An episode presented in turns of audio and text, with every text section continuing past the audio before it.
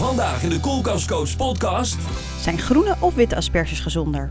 Wil je een gezondere levensstijl, maar ook lekker eten en kilo's kwijtraken? De Koelkastcoach helpt je erbij. Hier is de online voedingsdeskundige Sabine Leijten. Een nieuwe podcast van de Koelkastcoach. En om te beginnen eh, ga ik even terug naar de vorige podcast, want daarin vroeg ik hoeveel eieren eet een Nederlander gemiddeld. En er waren flink wat antwoorden, maar er waren maar een paar die echt goed waren. En eentje daarvan was Lisette Verkade. Dus jij krijgt van mij de Coolcast Coach tas opgestuurd. Dus dat bij deze. Mocht je verder nog leuke suggesties hebben of ideeën, stuur ze mij gerust. Het kan via Instagram, want dan krijg ik ook regelmatig vragen en um, ideetjes opgestuurd. Maar ook, het kan natuurlijk ook via de mail naar info@decoolcastcoach. Het aspergeseizoen is weer aangebroken, dus een podcast over asperges. En dan wel over of dat groene gezonder zijn of witte. En waar de asperge überhaupt vandaan komt. En hoe het komt dat je urine zo ruikt als je asperges gegeten hebt. Ik ga je van alles vertellen over de asperge in deze podcast. Waar komt überhaupt die asperge vandaan? Nou, wij Nederlanders noemen het, of noemen de witte asperges, de Hollandse asperges, het witte goud. Maar toch is deze elegante groente, als je teruggaat in de geschiedenis, komt die helemaal niet uit Nederland. Er zijn namelijk muurschilderingen opgedoken uit Egypte waar de farao een offer kreeg in de vorm van witte asperges. Als we teruggaan in de geschiedenisboeken, dan lezen we dat rond de 18e eeuw de witte asperge met een flinke omweg naar ons kleine kikkerlandje is gekomen. En in eerste instantie begonnen we in Groningen met het telen van de asperge. En na de Tweede Wereldoorlog is dit meer verschoven naar het zuidoosten van ons land. Want de grond in Limburg is eigenlijk de perfecte bodem waar de witte asperge goed groeit en goed op gedijt. En dit komt vooral doordat de grond daar een beetje zanderig is, wat meer zwavel heeft en een goede doorlaatbaarheid. Dus dat er veel vocht bij kan komen, waardoor de asperge sappiger is. En dat de asperge niet te veel uh, een aardsmaak krijgt, hè, dat het echt zijn natuurlijke smaak behoudt. Asperges komen van de aspergeplant. En deze plant heeft hele kleine rode besjes, je moet maar eens een keertje googelen. En deze rode besjes zijn de zaadjes waar uiteindelijk de asperge aankomt of uitkomt. En waarom wordt het dan het witte goud genoemd? Als je denkt, ik ga zelf eens een keertje asperges zaaien en volgende, volgend jaar oogsten. Nou, dan dien je rekening te houden met een heleboel dingen. En ook rekening mee te houden dat dat helemaal niet binnen een jaar gedaan is. Het is nogal een klus om witte asperges te oogsten. Nou, je gaat bijvoorbeeld zaaien rond begin maart. En dan een jaartje later dien je de asperges helemaal uit te graven en weer in kleine gultjes terug te doen. Nou, dan heb je echt een flinke portie geduld nodig. Want pas na het vierde jaar kun je de asperges gaan rooien. En dat kan dan tot een jaartje of tien, tot het tiende jaar. Want dan is de bodem helemaal op. Dan is dus, zijn alle voedingsstoffen eruit.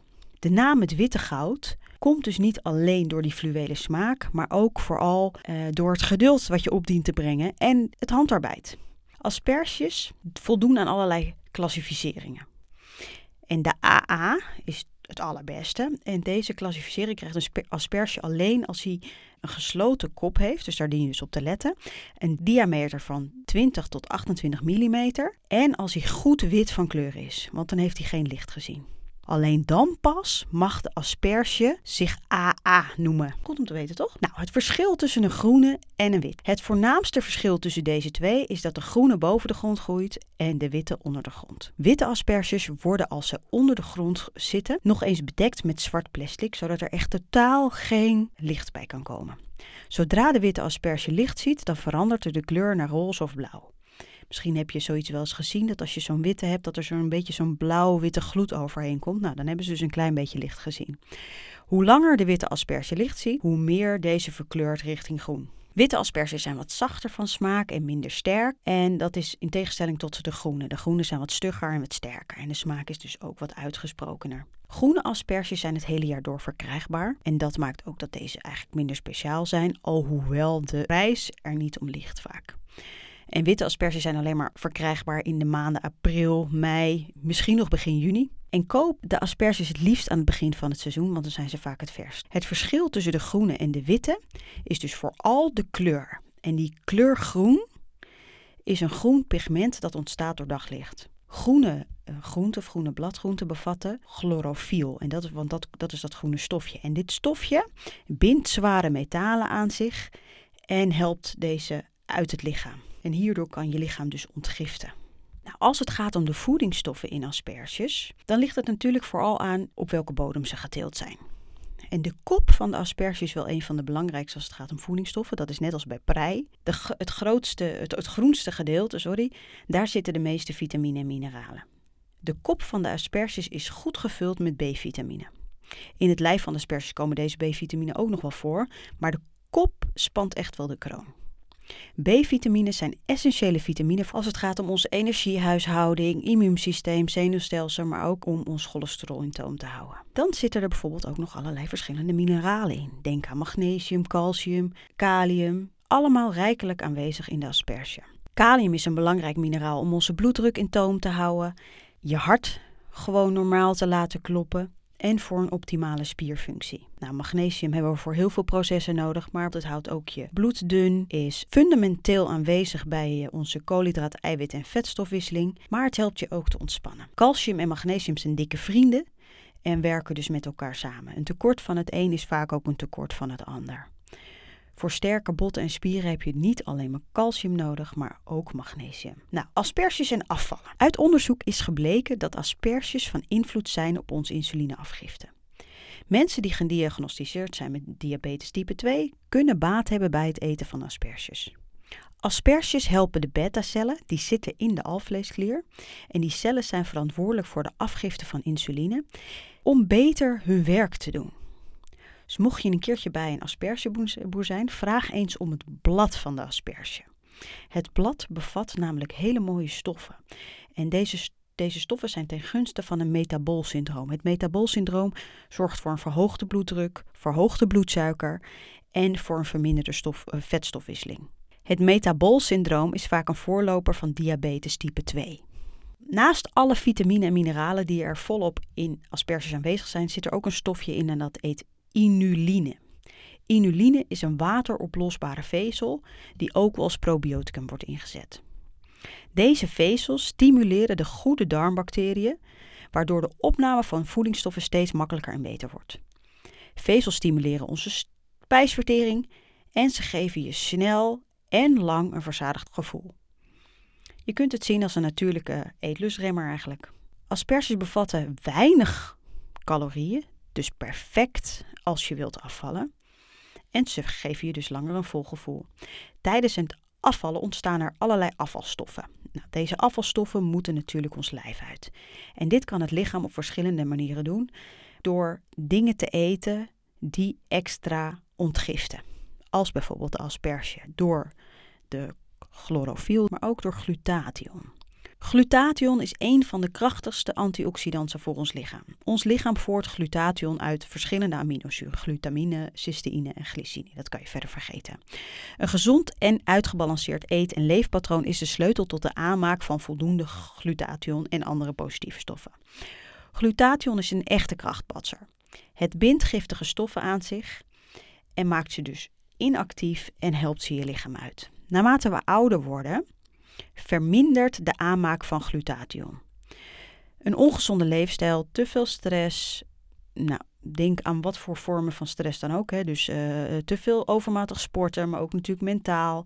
Allerlei ziektes, medicatie, overmatig alcohol of drugsgebruik verminderen de aanmaak van glutathion.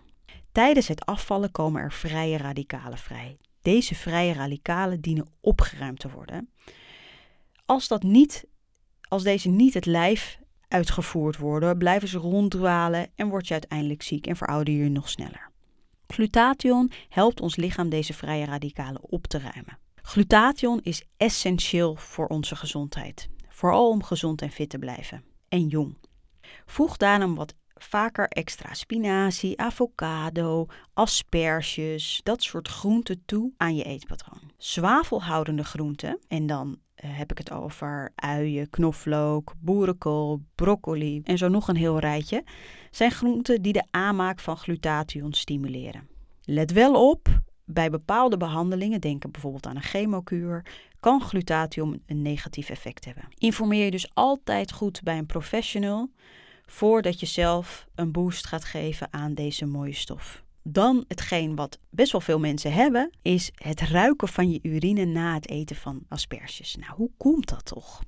Dit komt door een stofje en dat heet asparagusine. Tijdens het verwerken van dit zuur ontstaan er zwavelverbindingen. En als je plast, na het eten van asperges, plas je wel meer dan duizend keer zoveel zwavel als normaal.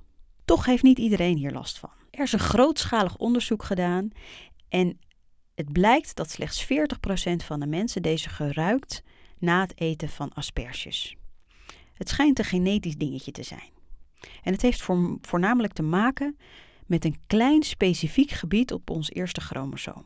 Ook is er een groep mensen die wel de geur van asperges ruikt als ze gekookt worden, maar niet als ze naar het toilet gaan. Dus daar komt dat vandaan. Nou, dan heb ik nog een aantal dingetjes voor je. Je zou denken soms dat vrouwen het sterke geslacht zijn, maar dat is bij asperges toch wel anders. Want het mannelijke geslacht, dus de mannelijke asperge, geeft tot wel 40% meer oogst dan de vrouwelijke. Daarom wordt er eigenlijk ook altijd, of over het algemeen, gebruik gemaakt van de mannelijke asperge. Hoe weet je nou of de asperge vers is? Dan doe je een aspergetest in de winkel. Je pakt twee asperges en je wrijft ze zachtjes over elkaar. En als je een piepend geluid hoort, dan weet je dat ze vers zijn. Wat ook nog een goede tip is, voordat je de asperges gaat eten, leg je ze het liefst een half uurtje even in koud water. Zo worden ze nog sappiger en zachter van smaak. Ik hoop je flink wat wijzer te hebben gemaakt over de asperge en welke goede en mooie positieve eigenschappen deze asperge heeft. Dus ik zou dus zeker zeggen, joh, ga lekker binnenkort die asperges kopen en ze lekker opeten.